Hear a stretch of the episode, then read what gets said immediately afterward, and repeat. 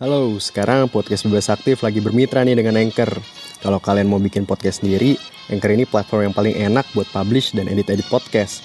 Apalagi Anchor ini 100% gratis. Lo dengerin podcast Bebas Aktif di Spotify juga karena Anchor punya fitur distribusi podcast ke Spotify dan platform-platform lainnya.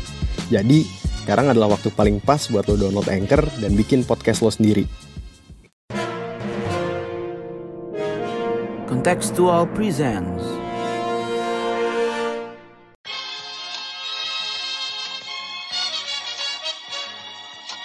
伟大、光荣、正确的中国共产党万岁！ Ladies and gentlemen, it was time to end a 20 year war. No one is safe until everyone is. The world is waking up and change is coming whether you like it or not. Selamat datang kembali di podcast Bebas Aktif season kedua episode ke-28 atau 29 gue lupa. Tentu saja ada gue Raffi dan ada Ikhlas juga di sini. Halo Kelas, apa kabar? Halo Raf, baik baik. Ada Mas Sofan juga. Halo Mas, kabar baik? Halo baik baik, alhamdulillah. Eh, kita rekaman di bulan Ramadan, episode pertama kita di bulan Ramadan. Jadi buat teman-teman conference, teman-teman pendengar, selamat menunaikan ibadah puasa. Semoga lancar-lancar selama 30 hari ke depan. Dan ngomong-ngomong soal lancar-lancar ya, ada yang tidak lancar ternyata eh, bulan Ramadannya di Pakistan sana, di negara di Asia Selatan yang mayoritas Muslim. Karena ada gonjang-ganjing politik ya, Perdana Menterinya Imran Imran Khan, mantan atlet kriket, kapten kriketnya Pakistan kalau nggak salah, itu di vote of no confidence di parlemennya Pakistan, tapi ternyata di nggak nggak dilegitimasi lah sama dia. Nanti cuman itu intinya kita akan ngebicarain soal Pakistan, soal Imran Khan dan gimana sih masa depannya eh, kawasan Asia Selatan nih kalau ada skenario-skenario apa aja yang bisa terjadi gitu di episode kali ini kita akan bahas itu. Tapi sebelumnya kalau teman-teman nggak mau ketinggalan sama isu-isu berita-berita soal isu sosial politik dan hubungan internasional,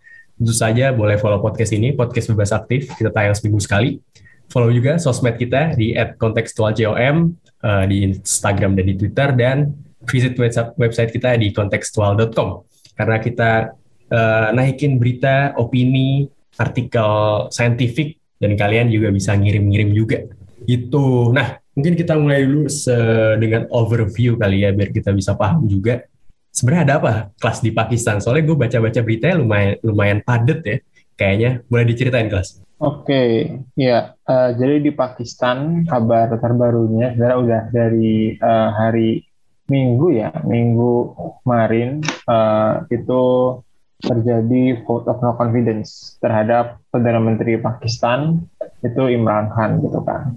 Jadi ya mungkin buat teman-teman yang perlu dipahami sebelumnya kan Pakistan dan banyak negara eh, ex jajahan Inggris lainnya itu dia sistem pemerintahannya parlementer gitu. Jadi eh, berbeda sama Indonesia yang presidensial, ya mereka eh, dipimpin oleh perdana menteri, yang mereka perdana menterinya dipilih oleh eh, nanti eh, koalisi mayoritas gitu kan yang berkuasa di parlemennya Pakistan gitu kan.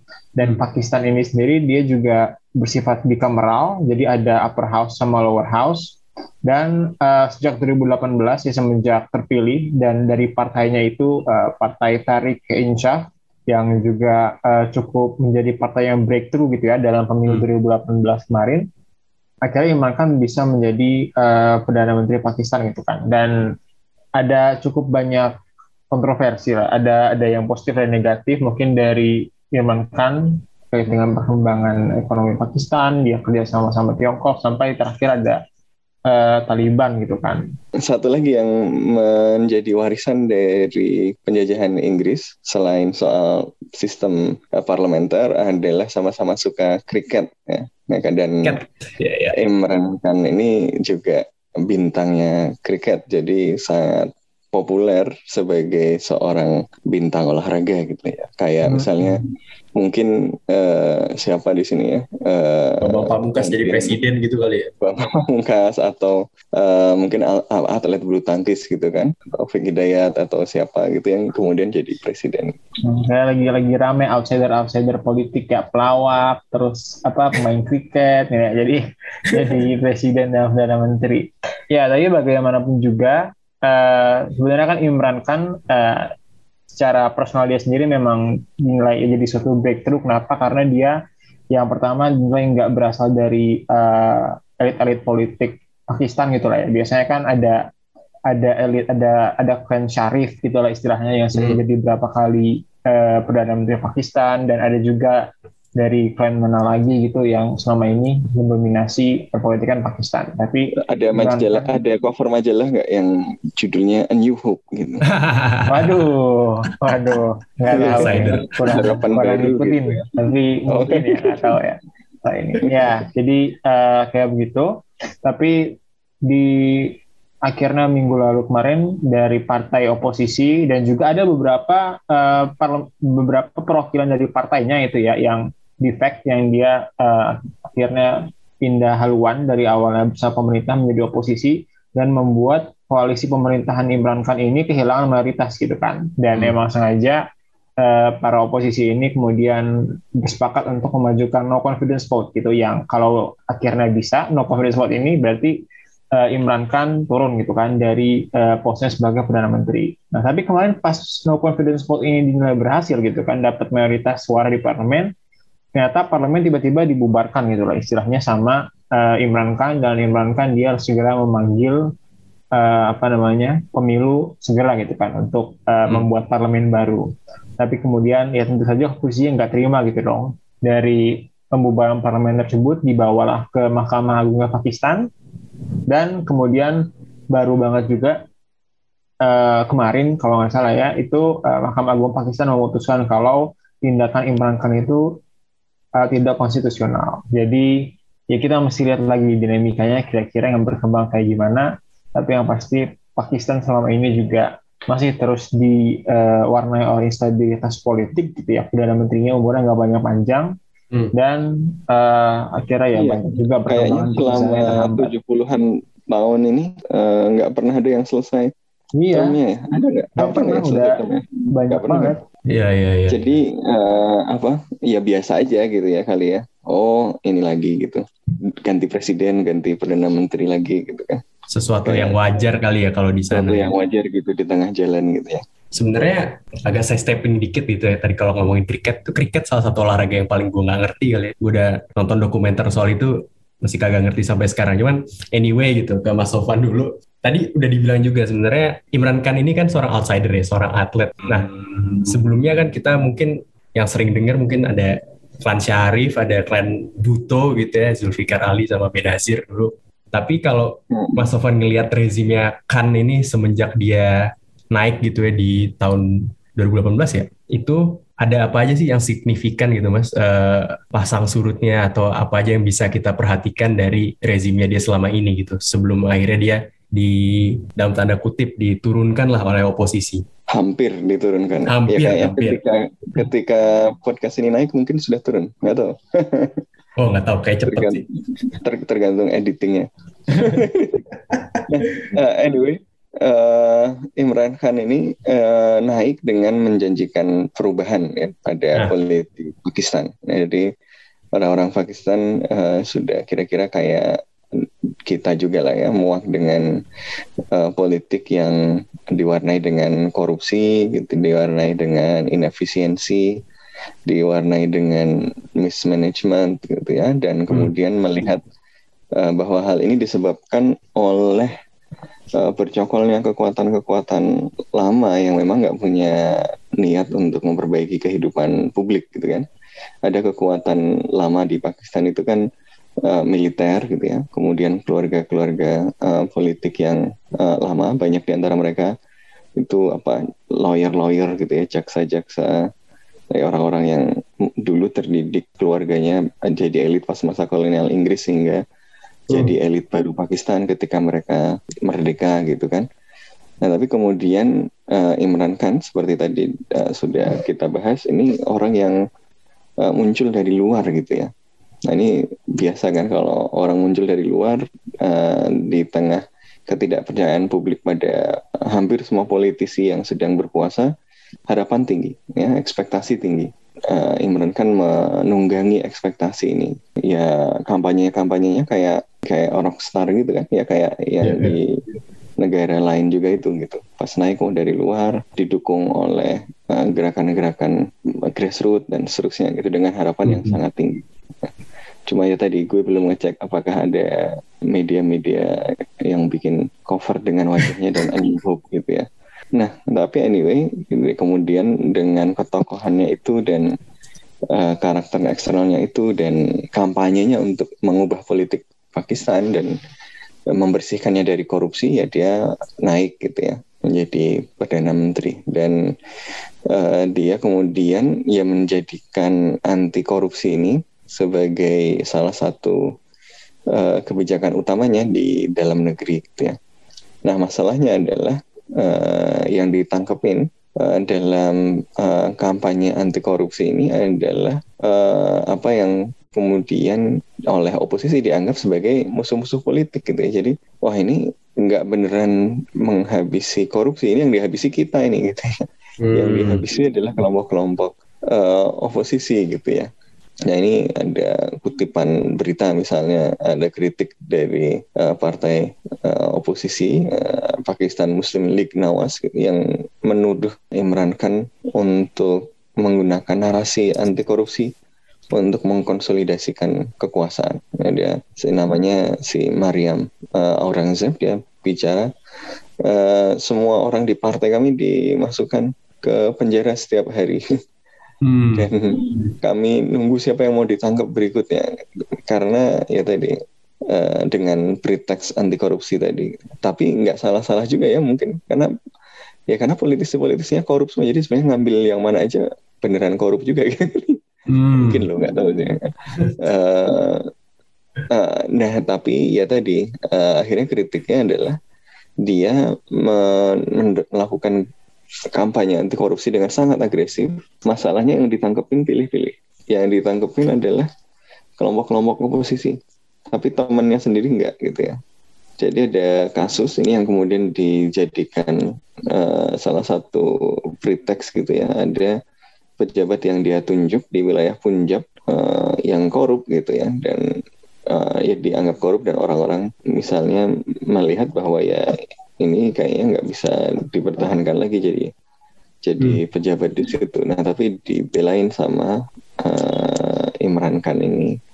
Nah karena itulah kemudian uh, ya narasi soal eh, eh jangan-jangan memang ini anti korupsinya bukan beneran anti korupsi ini hmm. cuma narasi aja untuk posturing gitu ya untuk untuk memanfaatkan kemarahan publik tadi untuk mengkonsolidasikan kekuasaannya sendiri. Jadi itu lebih ke uh, memanfaatkan populisme. Nah, populisme dengan narasi anti korupsi ini hmm. uh, ya kemudian dianggap me membahayakan kelompok-kelompok yang lain gitu ya, yang kemudian ya melawan. Gitu. Ternyata di partainya sendiri ya memang karena ke, ke, uh, relatif baru kan nggak sesolid partai-partai lama juga kan. Kayak kalau di Malaysia itu kan uh, berhasil mengalahkan UMNO tapi usia koalisinya usia uh, soliditasnya sebentar aja kan. Bahkan Mahathir yeah, aja yeah. langsung di langsung dikhianati gitu. Nah itu kira-kira uh, terjadi juga. Jadi banyak yang uh, kemudian defect. Jadi ada satu faktor domestik yaitu ya kampanye uh, agresif untuk membabat korupsi tapi dicurigai sebagai ya sekedar sarana konsolidasi kekuasaan dengan nangkepin uh, musuh-musuh politik tapi membiarkan teman-temannya sendiri ya, yang sama korupnya. Tapi pada saat yang bersamaan uh, hal ini kemudian bersinggungan dengan uh, internasionalnya gitu ya. Jadi di ranah internasional. Karena dia tahu dukungannya itu dari popularitasnya itu ya kebijakan yang diambil adalah kebijakan-kebijakan yang align dengan uh, semangat masyarakat kebanyakan gitu ya uh, sentimen publik gitu yang ada gitu ya misalnya ya Imran Khan ini punya haluan uh, kebijakan luar negeri yang agak-agak membawanya dalam uh, benturan dengan Amerika Serikat. Gitu. Ini membuat kelompok-kelompok elit Pakistan yang lama yang ya selama ini juga uh, apa ya memiliki hubungan baik kan dengan Amerika Serikat. Karena Amerika Hmm. Serikat juga punya kepentingan kan di kawasan dan dengan begitu punya uh, hubungan saling menguntungkan lah dengan elit Pakistan ini. Uh, ya kemudian merasa uh, khawatir. Ini kalau semakin keras hubungannya semakin ada benturan sama Amerika Serikat nasib Pakistan atau mungkin nasib mereka gitu ya Hmm. Eh, itu gimana gitu misalnya ketika Amerika Serikat lagi ribet-ribet gitu ya melihat Cina secara eksplisit gitu jalan zaman Donald Trump sebagai kekuatan revisionis gitu.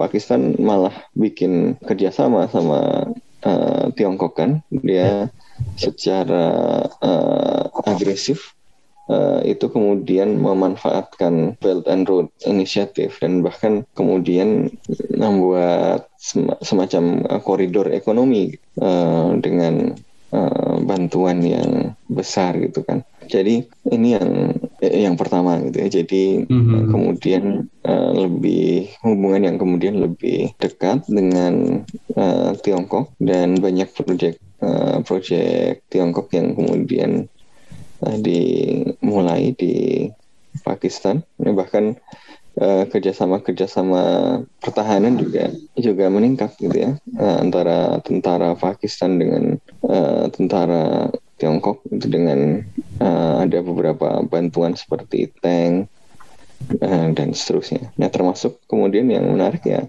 sampai Pakistan itu relatif memberi membuat posisi yang tidak eh, mempermasalahkan Tiongkok misalnya di isu-isu kayak Xinjiang gitu ya. Padahal Mhm. Pakistan kan ya tadi identitas Islamnya itu diformalkan kan di Republik Islam gitu. Iya, iya. Eh, tapi soal Uighur ya tutup mata karena tadi eh, sedang ada kepentingan membang- membangun eh, hubungan baik dengan Tiongkok ya dengan proyek-proyek yang besar. Apalagi eh, Cina kan juga lagi ribut sama eh, musuhnya Pakistan juga kan, eh, India. Dia. Nah, jadi eh, ya apa hubungan antara keduanya juga kemudian eh, semakin meningkat. Nah, selain Mhm. soal hubungan yang meningkat dengan Tiongkok ya, ya salah satunya muncul dalam bentuk China Pakistan Economic Corridor CPEC, eh, dukungan Imran Khan pada pemerintah Taliban ya, eh, yang tahun lalu eh, berhasil mengambil alih kekuasaan di Afghanistan. Nah ini dengan apa situasi yang demikian itu eh, dikhawatirkan bahwa hubungan dengan Amerika Serikat memburuk dan eh, memang eh, dalam banyak hal termasuk beberapa pekan terakhir ini kan terlihat Pakistan malah pas Amerika Serikat menyerukan boikot pada Rusia, ya Pakistan malah beli minyak dari Rusia. Ya, ya dan ada kerjasama kerjasama dengan Rusia juga Eh, sikap yang seperti itu memang populer di kalangan pendukungnya Imran Khan ya yang populis kan sentimen anti Amerika kan kuat sekali di Pakistan juga gitu. Tapi ya banyak kalangan eh, terutama di kalangan elit merasa bahwa ini sesuatu yang akan merugikan untuk Pakistan gitu.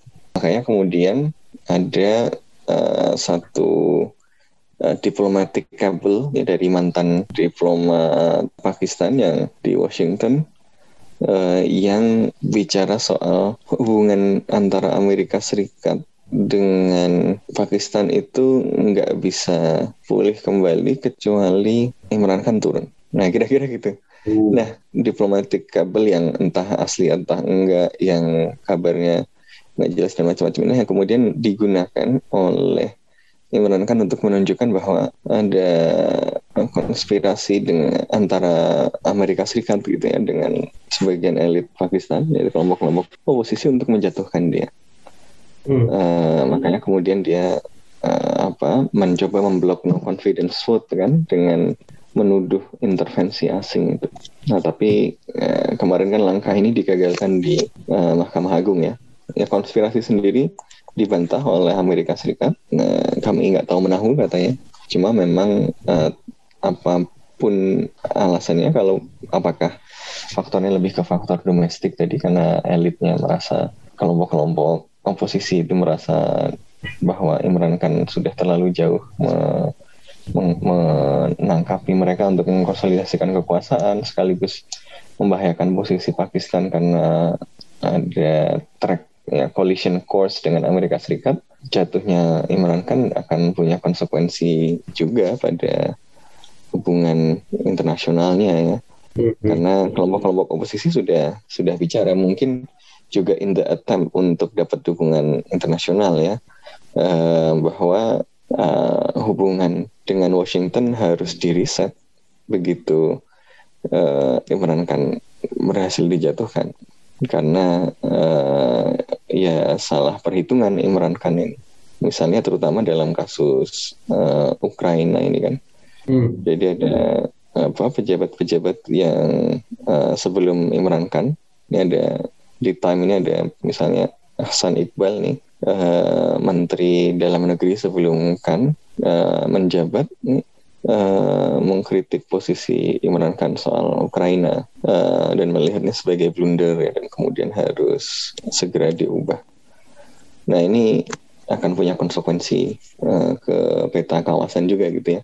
Hmm. Ya Imran Khan kan eh, deng- dengan posisinya yang populis seperti itu misalnya dia ketika Afghanistan ketika Taliban berhasil mengambil alih Kabul saja eh, ya, komentarnya positif dan memuji Afghanistan ya, kembali berhasil membebaskan diri dari belenggu penjajahan gitu lah kira-kira. Oh, oh, Eh, oke, oke. jadi apa? Ya posisinya agak konfrontatif gitu ya dengan Amerika Serikat mendekat dengan Tiongkok mendekat dengan Rusia. Di dalam negeri juga melakukan pembersihan politik dengan uh, preteks korupsi. Ya kalau menurut musuhnya itu preteks saja. Kalau menurut dia ya memang memang anti korupsi. Tapi teman-temannya nggak di- nggak nggak ditangkap nah ini yang uh, kemudian membawanya dalam posisi yang demikian nah masalahnya ketika dia dijatuhkan di parlemen pun dia punya dukungan populis jadi sangat mungkin ya, kemudian dia akan memobilisasi dukungan ke jalan-jalan dan Pakistan akan masuk ke fase instabilitas Nah, nanti Hmm. kalau instabilitasnya tinggi kekuatan militer yang eh, masih melihat di pinggiran nanti bisa turun lagi kalau militer kemudian eh, berminat untuk campur tangan dalam situasi yang demikian. Jadi uh, skenario nya masih masih terbuka, tapi apa pun yang terjadi konsekuensi geopolitiknya akan lumayan ya, karena dia berbatasan dengan Afghanistan, dia ber- bertetangga dengan India, dia salah satu negara paling besar, ada kepentingan Cina di situ, ada kepentingan Amerika Serikat di situ, ada kepentingan Rusia di situ. Ya. Penting untuk dilihat perkembangan selanjutnya seperti apa. Hmm, hmm. Gue iseng nyari ya, apakah Imran Khan pernah menjadi cover majalah gitu? Dan ternyata pernah. Oh, iya. Dan tahun judulnya 2012, tahun 2012, tapi udah lama sih. Waktu dia ma- masih politisi biasa, dia jadi cover majalah Time. eh, headline-nya The Long Shot. Apakah legenda kriket Imran Khan dapat menjadi Prime Minister tahun 2012 dan ternyata beneran jadi Prime Minister. Ya, jadi ada ya, ada korelasinya lah. Berarti kita harus mulai cari nih eh, foto politisi siapa yang eh, sudah ada di majalah Time ini. dan berapa persen yang udah ini ya, yang reviewnya jelek. Ya, kurang Ada, bagus time milihnya kayaknya. iya, gimana sih editorialnya? Cuman eh, kalau gue ke ikhlas dulu mungkin. Kalau tadi Mas Sofan udah jelasin bahwa sebenarnya ada faktor-faktor domestik yang di mana Imran Khan mem- membersihkan lah, membersihkan lawan politiknya di di internasional di level sistem gitu. Dia juga cukup berani lah eh, kuda-kudanya gitu. Kalau lu kelas melihat mengevaluasi rezimnya Imran Khan selama ini, apakah ada hal-hal yang menarik perhatian lo? Ya, benar tadi kalau yang dibilang eh, Mas Sofan gitu ya, terutama dalam aspek eh, hubungan luar negerinya. Kalau terutama mungkin dalam masa pemerintahan Joe Biden ya. Kalau Trump dulu kayak pernah ketemu deh sama Imran Khan gitu. Tapi sama Joe Biden ini eh, ya kan Joe Biden udah mulai banyak nelpon-nelpon lah ya pemimpin dunia. Tapi Pakistan ini si Imran Khan terus salah satunya yang mimpin negara besar gitu kan Pakistan cukup diperhitungkan juga tadi ada kepentingan Amerika Serikat dan lain sebagainya tapi ya nggak pernah ada di telepon atau eh, hubungan resmi apa gitu sama Joe Biden gitu kan Hmm. dan juga ya kayak eh, policy advisorsnya yang yang yang apa yang tingkat tinggi juga kayaknya belum into banget ke eh, persoalan Pakistan gitu kan sekarang sekarang dan ya sama pas tadi pas uh, apa namanya pas ada no confidence vote kan dibilang oh ya ini uh, apa namanya ini konspirasi dari barat itu kan pengen menjatuhkan saya segala macam bla bla bla.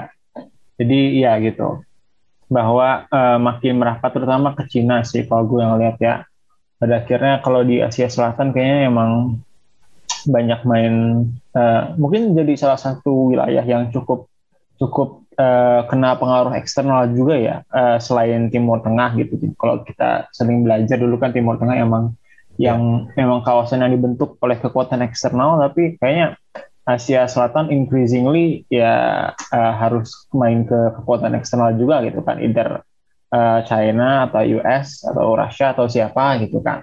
Yang buat uh, yang ngebantu gitu kan di kawasan situ. Dan Pakistan ya jelas dia mepetnya ke Cina banget sekarang ke Tiongkok gitu. Dia bikin uh, koridor ekonomi khusus yang meskipun nggak nggak sepenuhnya berjalan dengan lancar ya. Kayak kalau gue lihat sih ya mungkin generally uh, Belt and Road emang ada-ada aja sih kendalanya kayaknya ya. Atau itu hmm. Western Press gue juga nggak tahu sih. Tapi uh, gue tau gue dengar sih kayak gitu. Tapi yang mungkin lebih concern ke gue sehubungan dengan Cina juga itu adalah ya kayak uh, kondisi ekonomi Pakistan secara umum gitu loh. Dulu kemarin tuh gue lihat kalau Pakistan tuh waktu kemerdekaannya kan ada partition ya sama India gitu. Sama India terus jadi Bangladesh juga kan dulu tuh Pakistan GDP per kapitanya tuh lebih gede daripada India oh. dan Bangladesh gitu kan tapi sekarang Pakistan ada di bawah India dan Bangladesh gitu loh Even nah, Bangladesh kelas. Even Bangladesh, even oh. Bangladesh. Jadi kayak uh, India sama Bangladesh itu udah nyali Pakistan. Sementara Pakistan kayak konstan aja naiknya dikit-dikit gitu. Sementara okay. ya dia uh, termasuk negara yang utang luar negeri juga gede gitu kan sampai 87 persen kalau eh enggak bukan utang negeri uh, public debt-nya cukup gede dan ya salah satu paling banyak kan dari IMF gitu kan. Sampai berapa kali ronde pendanaan gitu kan. Sampai 6 atau 7 kali gue juga lupa. Uh, tapi concernnya salah satunya di ekonomi gitu kan. Gimana kemudian Pakistan ya eh, nggak uh, bisa gitu kan so far uh, kayak level up ekonominya terus keluar dari uh, debt trap gitu kan. Gimana kemudian cara untuk tumbuhnya gitu kan ekonomi Pakistan ya mungkin salah satunya menurut gue uh, adalah imbas dari pemerintahan yang nggak awet gitu kan, yang dikit-dikit ganti, yang hmm. uh, pemerintahannya tuh akhirnya ya roadmap ekonominya mungkin kurang kurang kurang jalan secara optimal gitu salah satunya selain uh, gue juga kurang tahu di faktor-faktor lain karena nggak dalamin secara uh, into banget gitu tapi at hindsight menurut gue kayak gitu gitu kan. Jadi ada trouble ekonomi Pakistan yang akut gitu. Yang gue nggak tahu sih apakah udah jadi uh, sesuatu yang emang di ingin diselesaikan banget oleh pemerintahan-pemerintahan uh, di Pakistan gitu kan. Tapi kayaknya kalau Imran Khan sekarang juga masih lebih fokusnya ke masalah ini kan uh, yang korupsi itu dan akhirnya sekarang ya coba direnegosiasi lagi gitu utang-utang luar negerinya dengan Cina dengan Jepang dan lain sebagainya gitu kan jadi uh, ada di berbagai masalah gitu sekaligus selain emang masalah politis Imran Khan juga tapi mungkin keadaan ekonomi Pakistan secara lebih luas itu yang dia kayak nggak mendukung gitu meskipun itu nggak belum tentu directly menjatuhkan Imran Khan juga ya tapi hmm. Itu adalah sesuatu yang uh, menurut gue mesti kita notice gitu loh dalam membahas Pakistan. Kalau kita melihat instabilitas di negara-negara bekas koloni gitu ya misalnya kita suka menghubungkan biasanya ada ada ada pengaruh ada warisan-warisan kolonial apalagi kalau uh, diturunkannya sistem politik gitu parlemen ke ke British Raj gitu ke India ke Pakistan itu kan masih parlementer ngikut ke Inggris selain selain warisan kriket gitu. Mas Sofan apakah instabilitas ini ada ada bumbu-bumbu bekas kolonial ya mas? Iya, tentu pengalaman kolonial berpengaruh ya karena Pakistan in itself itu sesuatu yang misalnya batas-batasnya dan keberadaannya itu uh, ya merupakan uh, respon dan konsekuensi dari uh, ya partisi yang di apa ya yang batas-batasnya itu kemudian ditentukan oleh Inggris gitu kan dan tentu saja konstruksi apa struktur elitnya ya, dan berbagai aspek dalam politiknya itu kemudian uh, dipengaruhi uh, oleh ini. Nah, tapi uh, tentu ada faktor-faktor lain juga karena kalau kita lihat tadi India dan Bangladesh itu juga uh, mengalami pengalaman kolonial yang sama tapi kondisinya agak sedikit berbeda ya dalam konteks uh, ekonomi. Tentu menjelaskan ini nggak nggak mudah. Kita ada banyak penjelasannya. Penjelasan hmm, yeah. pertama tentu adalah uh, penguasaan dari uh, elitnya yang sedemikian dalam gitu. Maka di Pakistan ada pembicaraan soal uh, deep state gitu ya. Bagaimana uh, elit-elit yang uh, berkuasa uh, lama gitu sejak awal itu kemudian uh, melakukan state capture ya, dan memastikan kebijakan negaranya itu ditujukan untuk uh, tidak untuk kepentingan masyarakat atau kepentingan nasional yang besar tapi untuk kepentingan eh, kroni-kroni ini uh, dan korupsinya sedemikian parah gitu makanya kan kemudian si Imran Khan kan naik dengan narasi anti korupsi ini dan sangat populer karena publik uh, melihat uh, sekali gitu ya korupsi yang sedemikian parah. Jadi jadi penjelasan pertama adalah state capture dari elit yang sangat parah yang benar-benar hanya mementingkan kepentingan hmm. uh, diri dan eh, kelompok gitu ya. Tapi kemudian ada bantahan lah kalau state capture kan negara-negara tetangganya juga Bangladesh, uh, Pakistan, uh, apa India itu kan juga dikuasai oleh keluarga-keluarga politisi yang lama dan korupnya juga juga sama korupnya tuh gitu ya. Cuma memang bedanya kan di Pakistan dia termanifestasi dalam ya kekuatan militer yang sangat kuat ya yeah. kontrol militer yang sangat kuat dalam politik. Jadi gripnya dari elitnya itu mungkin lebih lebih kuat gitu ya. Itu penjelasan pertama. Nah penjelasan lain adalah ya karena Pakistan itu kemudian berada dalam posisi yang sang, sangat tergantung pada kerjasamanya dengan kekuatan eksternal. Dia karena dia strategis banyak oh, banyak kekuatan eksternal yang kemudian merasa perlu bekerja sama dengan Pakistan, termasuk kemudian misalnya melayani elit-elitnya, kayak uh, karena Afgan, kayak karena ada konflik Afghanistan dan seterusnya sejak masa perang dingin kan, maka ada hubungan hubungan yang terjalin dan hubungannya yang terjalin ini kemudian tutup mata dengan mismanagement tadi. Jadi melalui melalui hubungan hubungan ini yang karena biasanya berkaitan dengan kepentingan nasional kan mulai dari isu perang dingin sampai soal terorisme pemburuan Osama bin Laden dan seterusnya dan seterusnya itu kan kemudian uh, ekonomi Pakistan jadi bergantung pada relasi eksternal ini jadi industri hmm. kontra terorisme uh, dan seterusnya gitu ya sehingga uh, ekonominya sendiri tidak berkembang karena uh, elitnya melihat bahwa lebih lukratif untuk memanfaatkan kerjasama-kerjasama eksternal ini yang mereka lebih mudah mainkan gitu ya. Kontrak defense kontrak uh, kerjasama anti terorisme dan macam-macam itu kan nggak perlu di perlihatkan kepada publik dengan terlalu uh, jelas kan. Ini kan kepentingan nasional gitu ya dan seterusnya. Mm-hmm. jadi uh, ini kemudian menghadirkan uh, ekonomi yang yang nggak sehat gitu ya karena kemudian uh, menjadi sangat tergantung kepada uh, project-project dari uh, luar tadi gitu ya.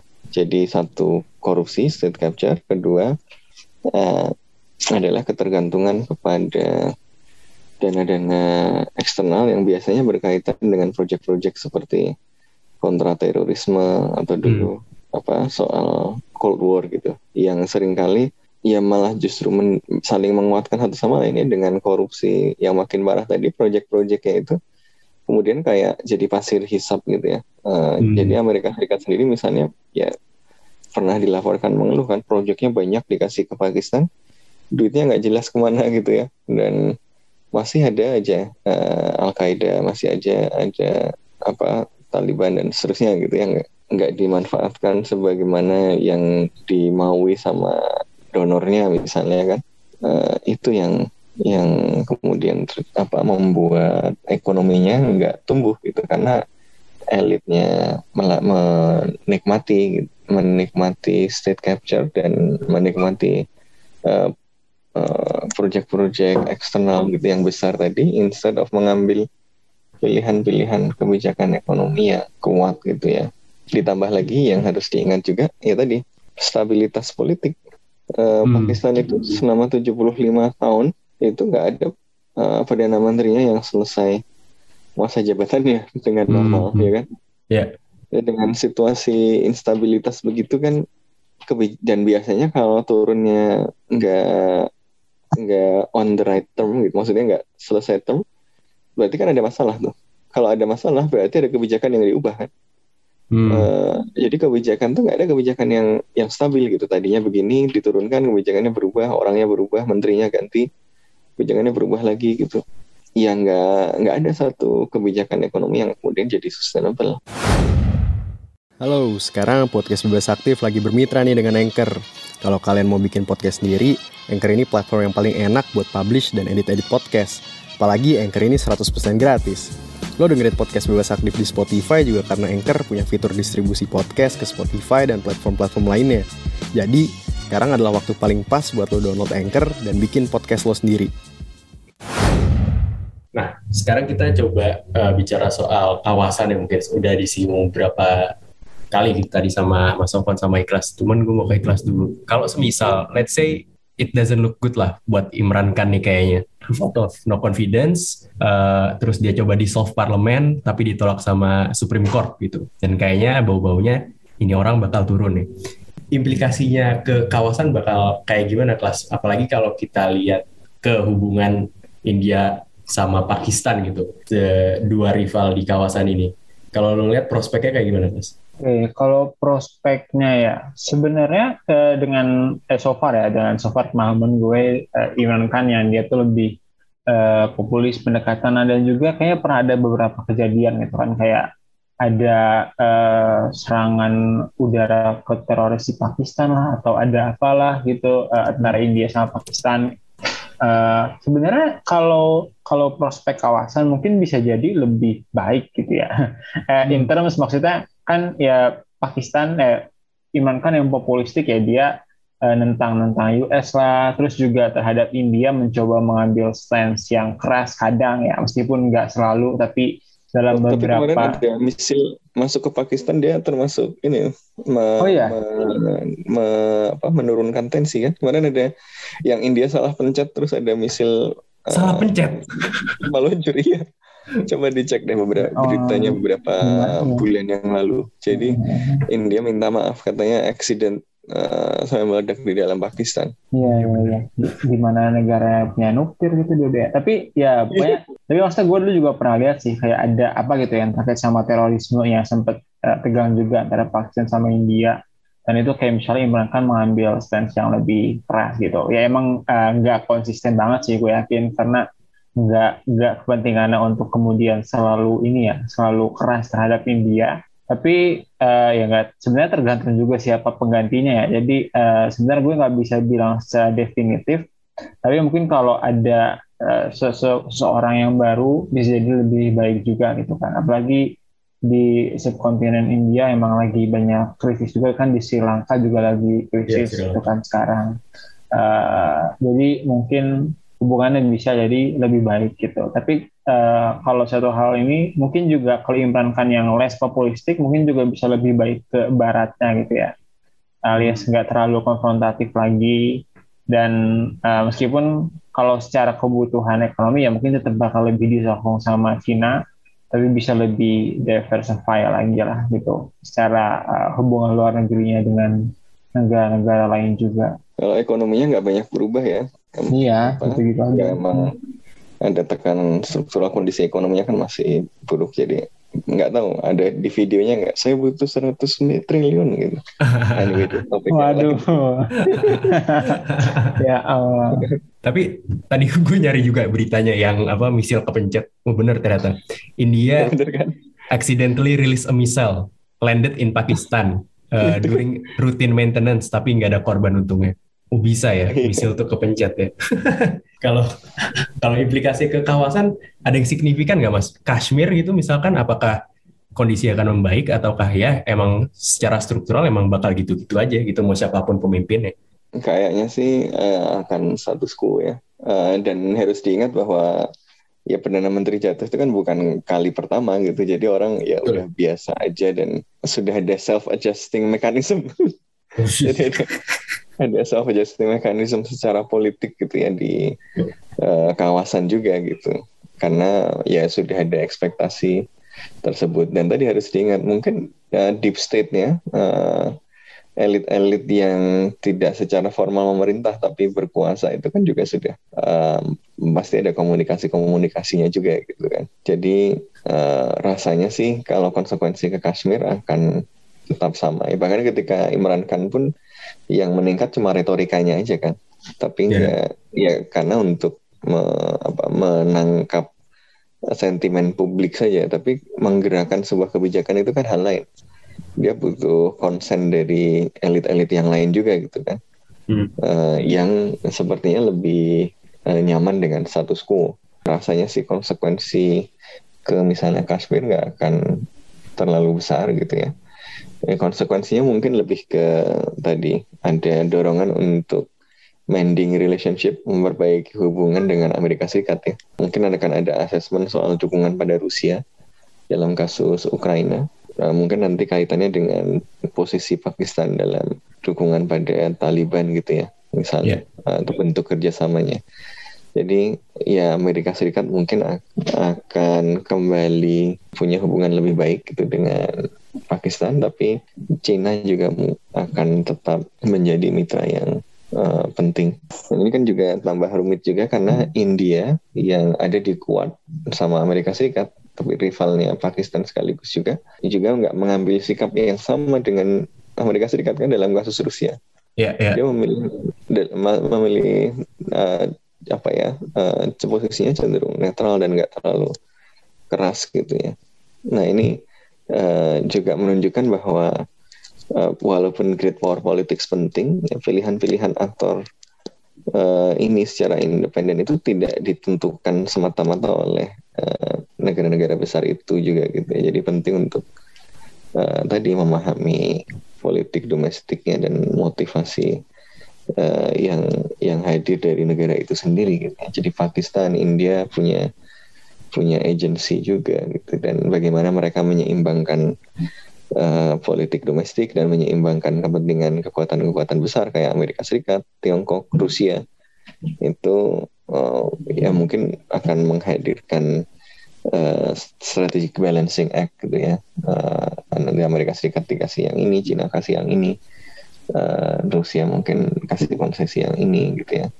Sambil menenangkan publik domestik dan memastikan bahwa uh, kerjasama-kerjasama itu menguntungkan elit. Terakhir mungkin ya terakhir kita mungkin setelah podcast ini tayang akan udah banyak uh, perkembangan perkembangannya cuman gue naik ke kelas dulu what's next for Pakistan Glass? Oke, okay, ya menurut gue ujungnya paling enggak udah uh, lebih jelas gitu kan sekarang. Karena apa namanya Mahkamah Agungnya kan udah kemudian menganulir keputusan uh, Imran Khan untuk membubarkan parlemen.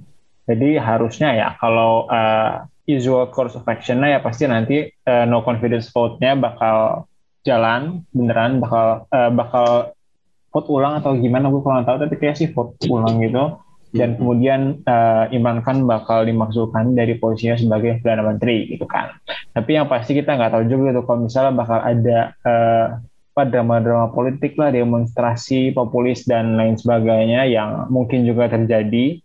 Uh, tapi itu akan memperkeruh gitu kan ya pasti situasi di uh, Pakistan kayak gimana. Tapi kalau secara institusional logisnya sih kayak gitu ya karena yeah. uh, aturan politiknya kayak gitu. Nah, cuman cuman kalau udah kayak gitu berarti uh, ada dua ada dua hal lagi yang kemungkinan terjadi gitu kan. Apakah bakal pemilu dalam waktu dekat atau oposisi kemudian dia memilih perdana menteri baru gitu kan. Nah, masalahnya kan semenjak kenaikan partainya uh, Imran Khan ini di uh, partai yang Tariq Insyaf itu dia me mengubah status quo gitulah di Pakistan yang sebelumnya didominasi sama uh, yang klan Benazir eh klan Bhutto itu di Pakistan People's Party sama klannya Sharif gitu kan. Di uh, Pakistan Muslim League gitu kan. Biasanya politik Pakistan itu didominasi sama dua partai itu aja gini. Tapi semenjak ada PTI ini jadi ada tiga partai besar gitu kan. Dan sampai tahun 2018 kemarin terakhir pemilu itu PTI pasti paling besar gitu kan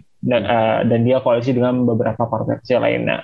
Nah kalau kemudian Imran Khan berhasil dijatuhkan, nah kira-kira bisa nggak dari uh, apa namanya dari oposisi ini yang sangat berseberangan itu kan ada uh, Pakistan People Party sama uh, Pakistan Muslim League gitu untuk kemudian berdamai untuk memilih suatu perdana menteri baru ya. Kayaknya sih hmm. agak unlikely. Jadi kalau menurut gue mungkin akan kembali uh, diadakan pemilu dalam waktu dekat sih gitu ya. Sebagai uh, hal yang mungkin terjadi buat Pakistan dalam waktu dekat. Oke, okay, oke. Okay. Mungkin Mas Sofwan ada hal yang bisa kita ambil sebagai hikmah mungkin Mas dari apa yang terjadi di Pakistan ini. Oh ya, apa ya? Ya hikmahnya adalah ya hati-hati kalau lihat cover majalah. Coba benar, benar. ya tadi penting untuk memahami uh, politik dengan tidak hanya melihat pada ya retorika-retorika gitu kan.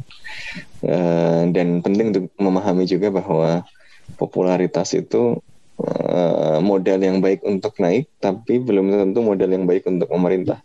Betul. Itu karena ekspektasi tinggi, begitu ekspektasi tidak sampai, ya tentu uh, jatuhnya juga akan dari tempat yang tinggi gitu ya. Hmm. Cuma ini uh, belum tentu akhir juga dari Imran Khan kan ya. Maksudnya ketika dia yeah, yeah. diturunkan, yeah, kan masih yeah. ada masih ada pemilu bisa jadi maju lagi dalam 90 hari kan dan dia maju lagi makanya uh, dia masih defiant masih menunjukkan perlawanan mungkin juga bukan bukan untuk selamat dari no confidence vote gitu tapi untuk uh, ya, apa memaintain uh, basisnya yang militan gitu, untuk kemudian uh, memenangkan pemilu. Itu aja episode kali ini dari podcast bebas aktif. Kita ketemu lagi di episode selanjutnya